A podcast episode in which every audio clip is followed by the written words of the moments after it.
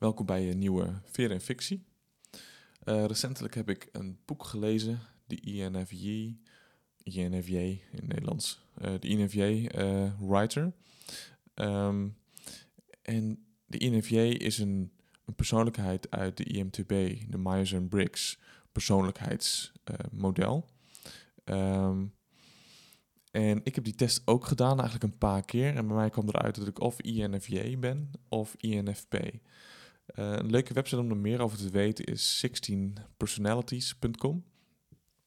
Dan kun je de test doen en dan kun je zien wat bij je, hè, wie jij eigenlijk bent qua persoonlijkheid. En het zijn dus 16 persoonlijkheden. En um, ik vond het echt schrikbarend hoe dicht uh, het bij mij in de buurt kwam. En vooral de INFP.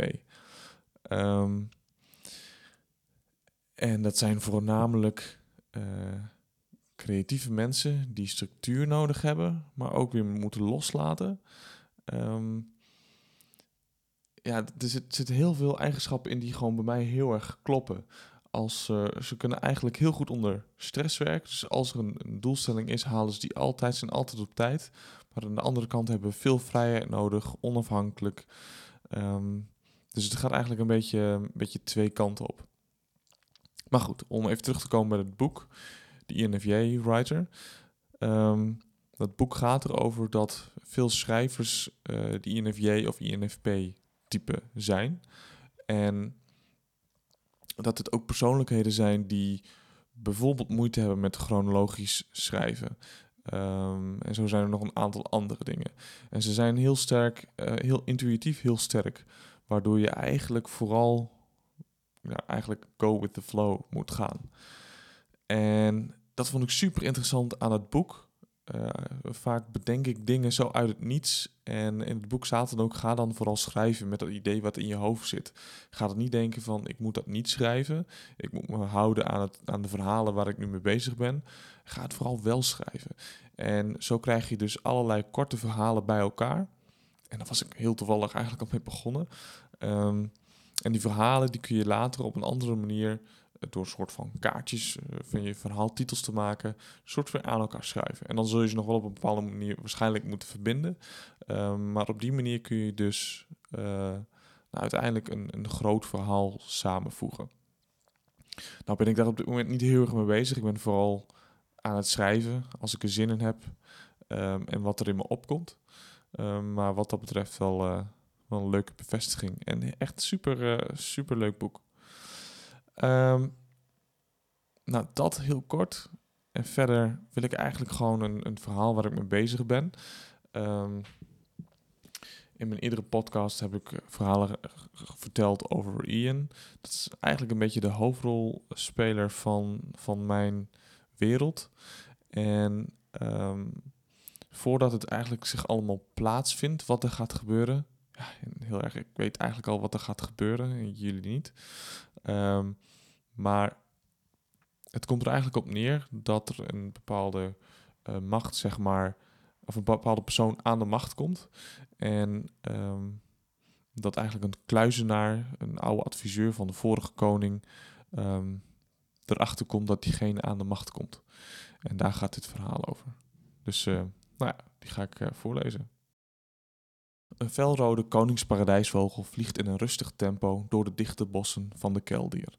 Een vrijwel ondoordringbaar berggebied met veelal bergbeuken op de heuvels. Deze beuken groeien in allerlei kromme vormen, waarbij sommige hoog boven de andere uittorenen.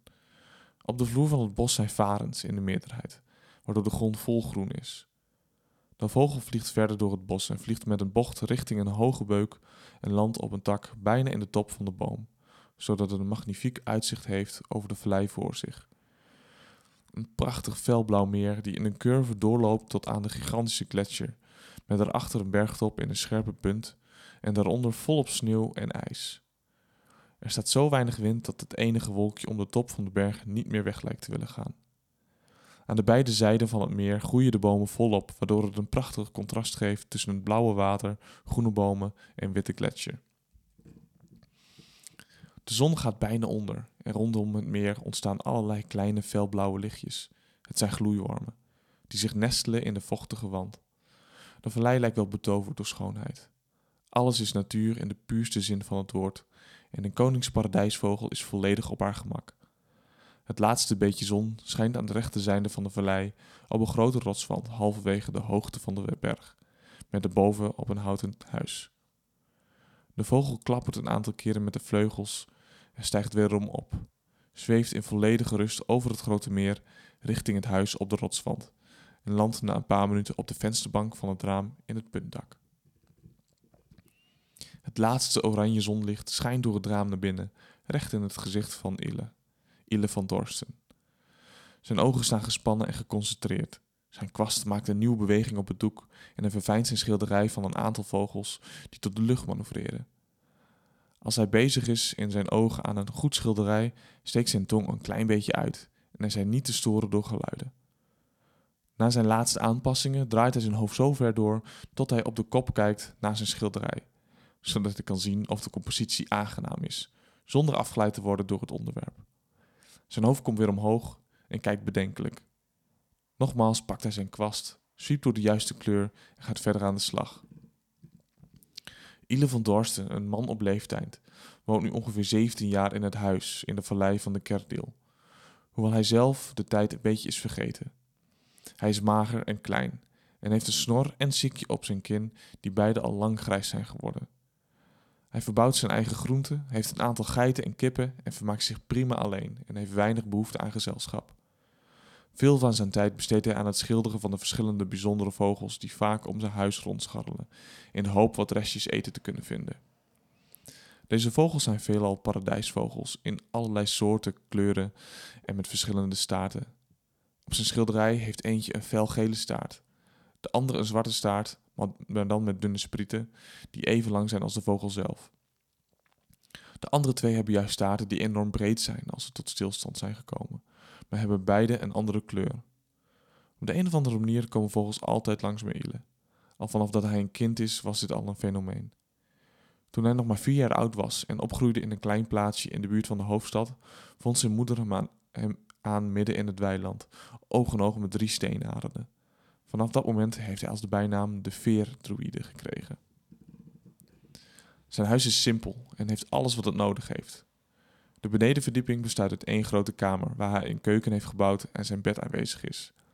Maar vooral boven is bijzonder. Daar bewaart hij al zijn schilderijen die hij door de afgelopen 17 jaar heeft geschilderd. Hij zit altijd voor het raampje in de nok, zodat hij het beste licht heeft om de schilderijen te creëren. Ieder krabt eens over zijn hoofd, pakt nog eens zijn kwast en begint nog een aanpassing te maken aan de brede staart van een van de vogels. Na deze aanpassing kijkt hij door het raam naar buiten en ziet de gletsjer aan de andere kant van het meer naar beneden komen. Ook ziet hij de rode koningsparadijsvogel in de vensterbank zitten en hij kijkt met een blij gezicht naar de goed gehumeurde, geveerde vogel. Maar dan valt één van de veren uit, het prachtige rode verendek, en binnen een paar tellen volgt er een tweede. Ile zijn blij gezicht verandert abrupt naar een verschrik gezicht. Hij laat zijn kwast vallen, staat op en gooit daarmee zijn kruk omver en dendert met geweld de smalle trap af naar beneden. Van de haak bij de voordeur grist hij zijn knipzak en gooit deze op de grote tafel midden in de ruimte. Met grote stappen vervolgt hij zijn snelle actie naar de keuken om het brood en fruit te verzamelen en in zijn knipzak te leggen. Verder gooit hij de tas vol met papier en veer om onderweg te kunnen schrijven en wat andere tools die hem verpast zouden kunnen komen. Hij gooit de deur open en slaat deze achter zich dicht en loopt met stevige passen richting het dichte beukenbos. Na letterlijk tien passen keert hij zich abrupt om en loopt wederom het huis naar binnen. Pakt zijn relatief kleine zwaard met korte kling, bindt in het gevest vast aan zijn middel en loopt vervolgens weer naar buiten en gooit zijn donkergroene kap over zijn hoofd. Het pad naar het dorpje Dobson heeft hij in geen 17 jaar bewandeld en is uiteraard volledig dichtgegroeid, waardoor zijn pad bijna onderdringbaar is geworden. De, dichter, de dichte varen zijn hoger dan Ile zelf en hij probeert naar boven te kijken om zo zijn weg te bepalen. Een aantal felgele geelgorzen vliegen boven hem de, de weg lijken te wijzen. Af en toe pakt hij zijn zwaard om zich door een aantal takken heen te slaan. Na een aantal uren moeizaam lopen komt hij op iets meer open terrein, omdat de varens hier niet meer groeien. Met stevige pas zet hij zijn reis voort, maar het zal nog twee dagen duren voordat hij in Dobson aankomt, om zijn oude vriend van het nieuws te vertellen. Magnus Euvelsten kijkt uit vanaf een houten zitje over zijn landerijen, die hij inmiddels heeft overgedragen aan zijn zoon Evert Euvelsten. Het zware werk werd hem te pittig, maar ondersteunt Evert nog wel in de handel van de granen.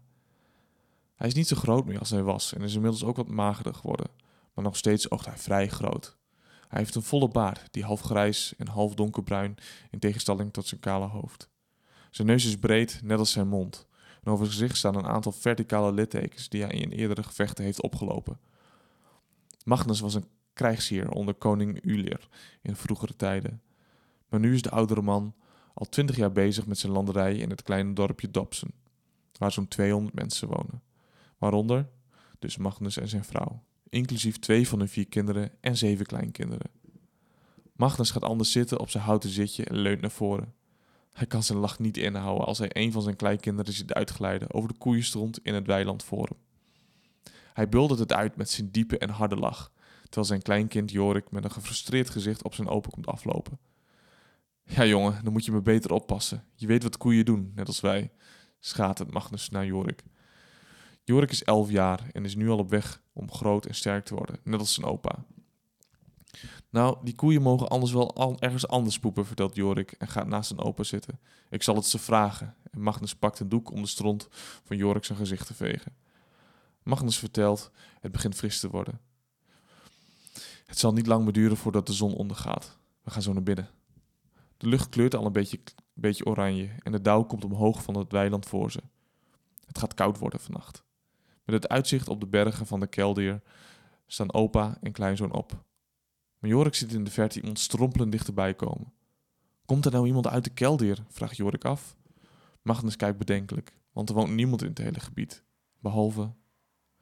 De oude man in de verte komt steeds dichterbij, totdat hij door zijn knieën zakt en op de grond blijft zitten. Magnus doet een poging tot rennen en Jorik volgt hem en ze zijn binnen no time bij de bezoeker. De oude man heft zijn blik omhoog en roept: Magnus, Ille, je leeft. Geen tijd voor praatjes, we moeten direct door. Het is zover. Shit. Dit is een kort verhaal, dus over uh, Ile en uh, Magnus. Twee oude vrienden die veel hebben gedaan voor de vorige koning. En uh, daar is zich dus nu iets uh, gaan veranderen.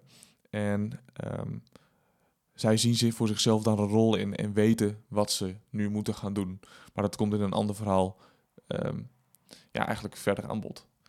Uh, dus uh, zo begint het verhaal met uh, Ile en Magnus, de oude mannen, de oude adviseurs aan deze kant. En Ian is nog heel erg anders, hè, de hoofdrolspeler.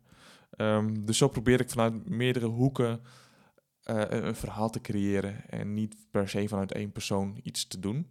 Um, hoewel ik ook niet te veel verschillende invalshoeken wil te creëren, want dan wordt het voor mij nogal complex. Um, nou ja, dus tot zover en tot de volgende keer.